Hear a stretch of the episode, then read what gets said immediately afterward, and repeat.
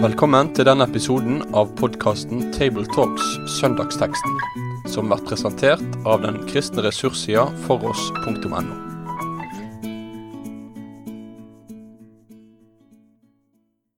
Da er det en glede å ønske velkommen til en ny episode av eh, Table Talks, denne gangen fra gruppen i eh, Bergen. Vi må ta det forbeholdet om at dette opptaket gjøres i det som eh, kan kalles for koronatiden. Jeg er usikker på hvordan det skal plasseres i kirkeåret, men her er vi i hvert fall nå. Sånn at høyskolelektor Rolf Kjøde ved NLA-høgskolen og meg sjøl, Tarjei Gilje, som er redaktør i Dagen, vi sitter i hvert vårt hjem og for å gjøre teknologien komplett, så gjøres opptaket via Øyvind Ruud Kringstad sin maskin på hans soverom. Så her er altså tre parter inne i bildet for å lage innspillingen der vi skal gå gjennom teksten for fjerde søndag i fastetiden. Og teksten er fra Johannes evangeliet, kapittel 11, vers 45 til 53. Mange av jødene som var kommet til Maria og hadde sett det Jesus gjorde, kom til tro på ham. Men noen gikk til fariseerne og fortalte hva han hadde gjort. Da kalte overprestene og fariseerne sammen rådet, og de sa hva skal vi gjøre? Dette mennesket gjør mange tegn. Lar vi ham holde på slik, vil snart alle tro på ham. Så kommer romerne og tar både det hellige stedet og folket vårt. En av dem, Kaifas, som var øverste prest det året, sa da dere skjønner ingenting. Dere tenker ikke på at det er bedre for dere at ett menneske dør for folket, enn at hele folket går til grunne. Dette sa han ikke av seg selv, men fordi han var øverste prest det året, talte han profetisk om at Jesus skulle dø for folket. Ja, han skulle ikke bare dø for folket, han skulle også samle til ett de Guds barn som er spredt omkring. Fra denne dagen la de planer om å drepe ham. Vi kommer jo inn i teksten eh, like etter at eh, Jesus har vekket Lasarus fra de døde. Det hadde gjort eh, så sterkt inntrykk på en del av jødene som var der, at de hadde altså kommet til tro på Jesus. Men så var det altså noen som så et ansvar for å rapportere videre til fariseerne, og så møtes altså rådet. Skal vi si noen få ord Rolf, først om hva slags råd dette her var? Ja, Det heter jo, eh, det ble jo kalt syne, eller sanedrie, synedrie på den tida, og, eh, som bare betyr en forsamling, egentlig. Og Det er jo da det var den øverste jødiske domstolen da, og, og styringsrådet, kan jeg vel si. Der Det hadde 70 medlemmer. og det var jo, De som dominerte i rådet, var jo det partiet som heter sadukeerne. Og som var de som var mest styringsvillige sammen med romerne, og samtidig mest sånn liberale kan du si da, i, i det teologiske. Øversteprestene det var naturligvis også folket fra fariseerpartiet, men, men prestene og, og, det sadukeiske partiet hadde nok en viss dominans der. Eh, så er det jo en eh, forunderlig samtale vi leser om videre. Det er ikke så vanskelig gjerne å forstå at rådet var bekymret for sin egen stilling, altså at de så på Jesus som en konkurrent. Men så kan vi få inntrykk av at det er egentlig romerne de er mest engstelige for. Ja, det speiler vel nettopp dette at, uh, at Det høye rådet her uh, det var veldig viktig for dem. Det ser vi jo i hele fortellinga når vi kommer til langfredagsfortellinga om Jesus også. Eh, at eh, det er en drivkraft for de som eh, driver Jesus mot døden da, på den jødiske sida. At en er livredd for at romerne skal bevege på seg. Og Det er de helt uinteressert i. De, er interessert i å leve i den fredstilstanden som fins. Selv om det var grupper i det jødiske folket som var, ikke var like interessert i det, av selota, eller det var grupper som også religiøst tenkte annerledes om det, som niserene. Eh, så var likevel de som rådet bestod av, ledelsen bestod av, de var interessert i å holde denne freden som de var redd skulle bli for. Og sånne eh, opprørere som de kunne tolke Jesus til å være, kunne da være en som eh, skapte problem for den fredelige sameksistensen som de levde med.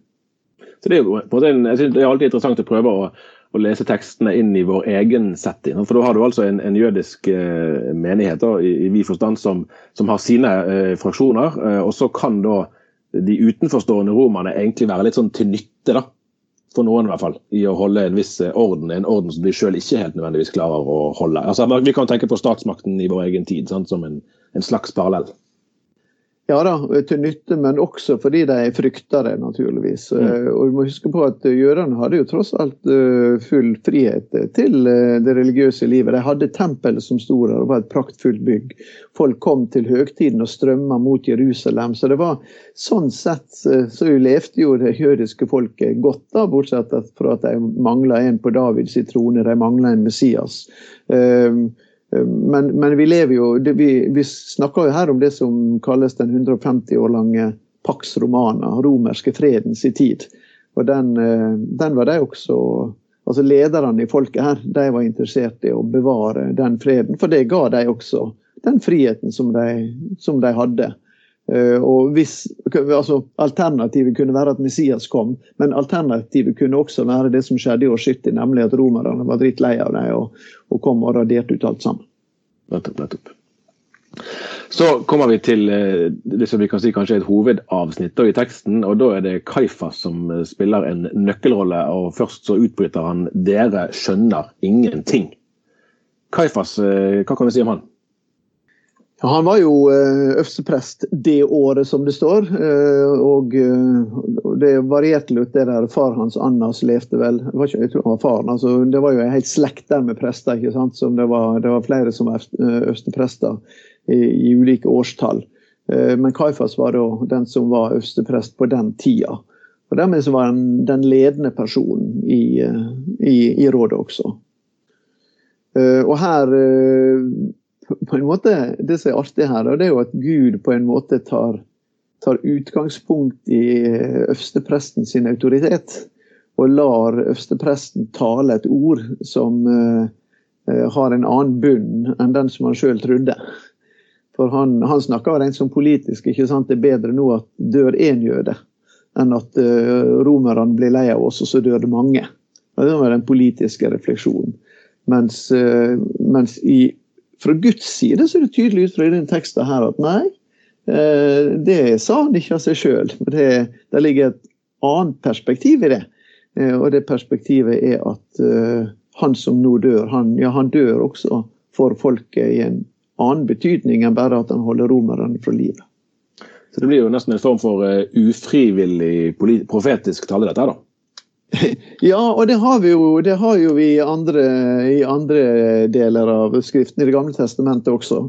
Eh, hvis du husker tilbake til, til Mosebøkene og eh, Det fjerde Mosebok, der eh, det blir framkalt en profet som skal tale forbannelse over Israel.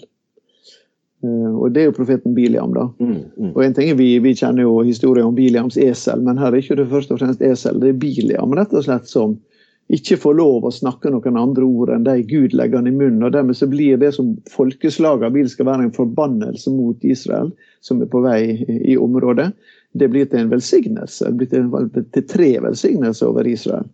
Um, så akkurat som Gud brukte Biliam, og rett nok var det motvillig der, slik bruker han nå Kaifas uten at Kaifas vet det. Og Det tenker jeg sier noe om Gud og Guds uh, en Gud som er i kontroll med historien. Og det er En ting at det peker fram mot Jesu død, og det er jo det viktigste her. Men jeg tenker også i denne tida her, når vi lever med så mye usikkerhet, eh, og vi lurer på hvor, hvor tar denne verden av nå? Altså hva, hva retning vil det gå? og vil, vil, rett og slett eh, det vonde innhente oss på en slik måte? Altså, nå har vi sykdom og, og koronavirus og alt dette. Men tenk at eh, ja, vi som kristne vi skal følge myndighetenes råd, vi skal være modige i diakonien vår. Men vi skal også være frimodige i trua på og vissheten på at Gud mister ikke kontrollen over verden og over historien. Han, um, han er fortsatt på trona. Uh, jeg tenker at det er mange kristne som trenger å minnes på det i denne tida. Jeg tenker også at det er litt av budskapet ute i folket vårt. Vi må si det at uh, Gud, han, Gud ser veier når ikke vi ser veier, og Gud er i stand til å bruke både gode og dårlige statsledere, og begge deler finnes i vår verden i dag.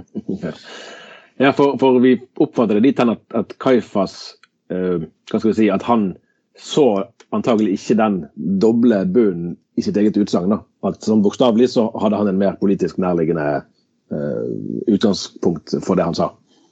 Ja, Det tror jeg vi kan regne som, som ganske selvsagt her. Noe som jeg synes er ganske sånn Det er litt sånn skygge ved denne historien. da. Uh, og det er jo at denne faktisk, og det finnes jo utsagn som enda klarere kunne blitt brukt. da, uh, men, men, denne har blitt brukt, da, det som Kaifas sier her, i en antisemittisk sammenheng. For å på en måte nagle jødene til skyldspørsmål for, for Jesu død. Mm. Og, så denne historien, fortellinga om Kaifas som, og rådet som her legger planene, det, det har også en sånn skyggehistorie i, kirka, i kirkas historie. Og det er jo utrolig viktig å minne om at, eh, om at han som dør noen dager senere på korset, han, eh, han sier om seg sjøl at han dør frivillig. Det er ingen som tar mitt liv, sier han, men jeg, jeg gir det frivillig. Og Da kommer vi inn på den dypere meninga med Jesu død, naturligvis. Mm. Og så i, eh, i, det nest siste verset da, i, i dagens uh, tekst, så får jo òg eh, fortellingen en tydelig misjonsdimensjon. Vil vel i hvert fall vi som leser det i dag si at han skulle ikke bare dø for folket, men han skulle òg samle til ett de Guds barn som er spredt omkring. Også her kan du vel egentlig lese flere lag av mening eh, ut av teksten. Ja, jeg er helt enig med deg i den måten å tenke på her. og det det gir, ja, det gir en direkte misjonsdimensjon. Og det er ikke noe overraskende, for allerede i kapittelet før, i det tiende kapittelet, der Jesus snakker om at 'ingen tar mitt liv, men jeg gir det frivillig', der sier han jo også noe av det samme, faktisk. Nemlig at jeg har ja, jeg skal, jeg skal være gjeter for denne flokken, men jeg har andre flokker mm. også. De skal jeg også lede, og det skal bli én flokk og én hyrde. Så jeg tenker dette bare, Det er sånne drypp som kommer gjennom Johannes-evangeliet, som forbereder oss på det som, da skjer til slutt i påska med Jesu døde oppstandelse og utsendinger. da. Eh, og da er vi forberedt på det at ja, men det som skjer der, det er noe langt mer enn det ser ut til. Det er langt, noe langt mer enn Kaifas planla. Dette er faktisk noe som er i Guds hånd eh, og i Guds plan eh, og i Guds vilje for at vi, skal, for at vi alle skal kalles til Han. og bli, ja, Alle vi som er spredt omkring, og som gjelder jo deg og meg og alle som lytter til her vi som er spredt omkring, kalles inn av Guds stemme.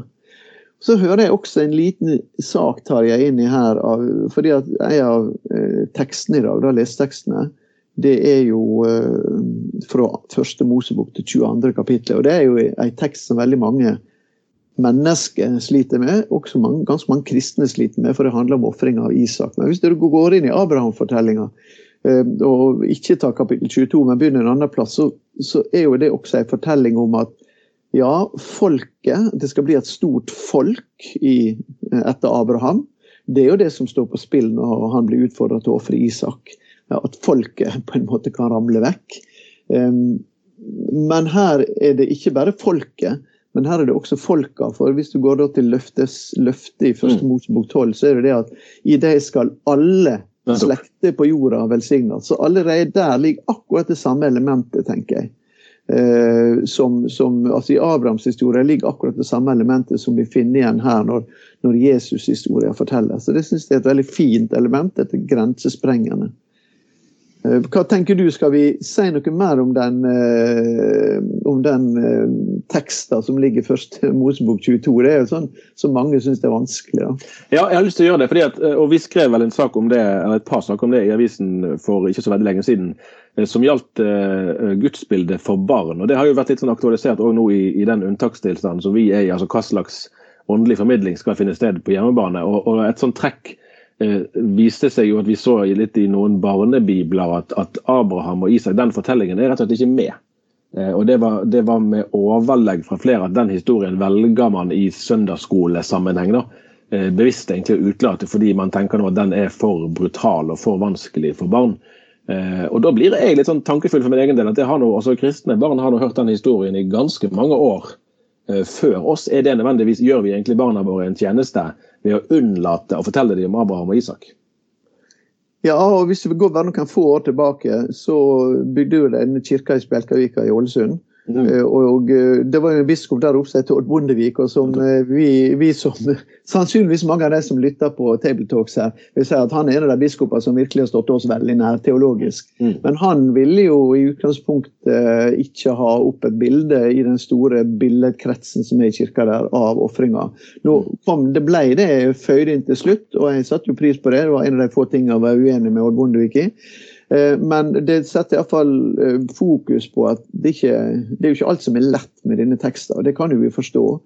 Eh, og inn i en tid som vår, der vi har mye fokus også på dette med, med relasjon, relasjonsproblem og far som er fjern, og hva det måtte være. Og så får vi altså en, en fortelling her som på en måte byr vår tenking litt imot, da, fordi at det er denne her, det er denne her blinde lydigheten. Sånn kan vi veldig lett tenke det. At her er det en blind lydighet som gjelder. Punktum. Og det er ikke det vi på en måte vil forbinde med, med evangeliet og slik vi møter mm. Gud i Kristus. Men jeg tror vi må se noen litt lengre linjer her. fordi at eh, jeg tror For det første må vi si det at Isaks historie den er helt, helt unik. For det første fordi Abrahams vandring med Gud var unik han som forhandla med han i, i bønna, og han som satt med, med Gud, treenigheten, vi så må si, i huset sitt og åt. Og, altså han, hadde helt, han, hadde et helt særskilt forhold til Gud. Isaks rolle er også helt særskilt, fordi at det er gjennom han løftet skal oppfylles. Eh, alt står på en måte på spill. Eh, og det er spørsmål kan vi da tro at Gud kan oppfylle sitt løfte, som han allerede jo har gjort på en umulig måte ved at disse gamlingene ble foreldre. Og så står det jo også i en sånn frampeikende perspektiv, den peker fram mot Jesus. Og da er vi jo nødt til å si det at det er faktisk et kjempeviktig poeng i Isak-fortellinga at Isak ikke blir ofra. Mm. Eh, og det der er bare én fortelling i Det gamle testamentet om eh, et menneske som sannsynligvis ble ofra, som er jo dattera til, til Jetro, altså til Nei, til um, I dommer, dommerboka. Mm, mm. Og, og til Jefta. Ja. Men det står jo aldri eh, egentlig i teksten i dommerboka at det var etter Guds vilje, det som skjedde. Ja, eh, problemet der er Guds taushet. Men det vi vet ellers fra Det gamle testamentet, det er jo at profetene og Det gamle testamentet og Moses er frenetisk imot denne kanoniske kanoneiske skikken med å ofre mennesker. Ja. Det er faktisk en av de tingene som er sett mest alvorlig på i Det gamle testamentet. Så menneskeoffer er faktisk Det gamle testamentet fremmed, og Bibelen fremmed. Ja. Uh, og I lys av det er det vi må ta dette videre, når det da peker fram mot Jesus som ikke primært ble slått av en gud som en bøddel, men som ga livet sitt. Det er den treenige Gud som ved Sønnen stiger fram og bærer verdens skyld. Ja, for Der går jo en, en, en, slags linje det må vi kunne si, øh, inn i dagens tekst. Ja, det må vi ikke bare kunne si, det er helt klart at det gjør det. Eh, og Da er jo den helt konkret at Jesus skulle dø for folket. Og, og teksten vår slutter i vers 53 med at fra denne dagen la de planer om å drepe ham. Og det, og det, skjedde jo. Dette var ikke en allegori eller en illustrasjon. og det ble jo, altså Drapet ble jo fullbyrdet i dette, dette tilfellet. og det, det, det uh, må jo tale til oss òg på den måten som vi lærer at det var jo vi, eh, dypest sett alle sammen, som, som hadde ansvaret for at Jesus døde i kraft av vår egen sin, og ikke, ikke noe som kunne isoleres til, til jødefolket, eller for den saks skyld til romerne på den tiden heller. Ja, og det tenker jeg nettopp dette uttrykket som vi har, at Jesus døde for meg, det peker jo på at det var jeg blant flere andre, men også jeg var med å drive mm. han til korset. Ja. Eh, så jeg tror vi skal glemme den der gamle spørsmålet som har framkalt mye antisemittisme. Liksom, hvem drepte Jesus, og så har jødene blitt beskyldt for det. Ja, Der og da historisk så hadde noen jødiske ledere og noen romerske ledere eh, hver sitt ansvar for det som skjedde. Eh, men det skal for det første ikke slå allment tilbake på jødene. Mm. Men vi må gå dypere teologisk, som du antyder her, og si at ja, men strengt tatt var det det var for min skyld han døde. Det var jeg som drev han i døden, og for det ga han seg sjøl frivillig. Det skulle vel kanskje være et, et, godt perspektiv å konkludere med i dag, skulle ikke det? Jeg syns egentlig at det er et ganske fin sak å tenke på. Da tror vi sier det sånn, og Så får vi se da neste gang eh, om vi sitter i samme rom, eller om vi fremdeles er via skjermer og andre teknologiske hjelpemidler, avhengig av hvor bredt viruset sprer seg. Men vi sier altså takk for oss for denne gang. Ha det bra. Med det sier vi takk for følget for denne gang. Finn flere ressurser, og vær gjerne med å støtte oss på foross.no.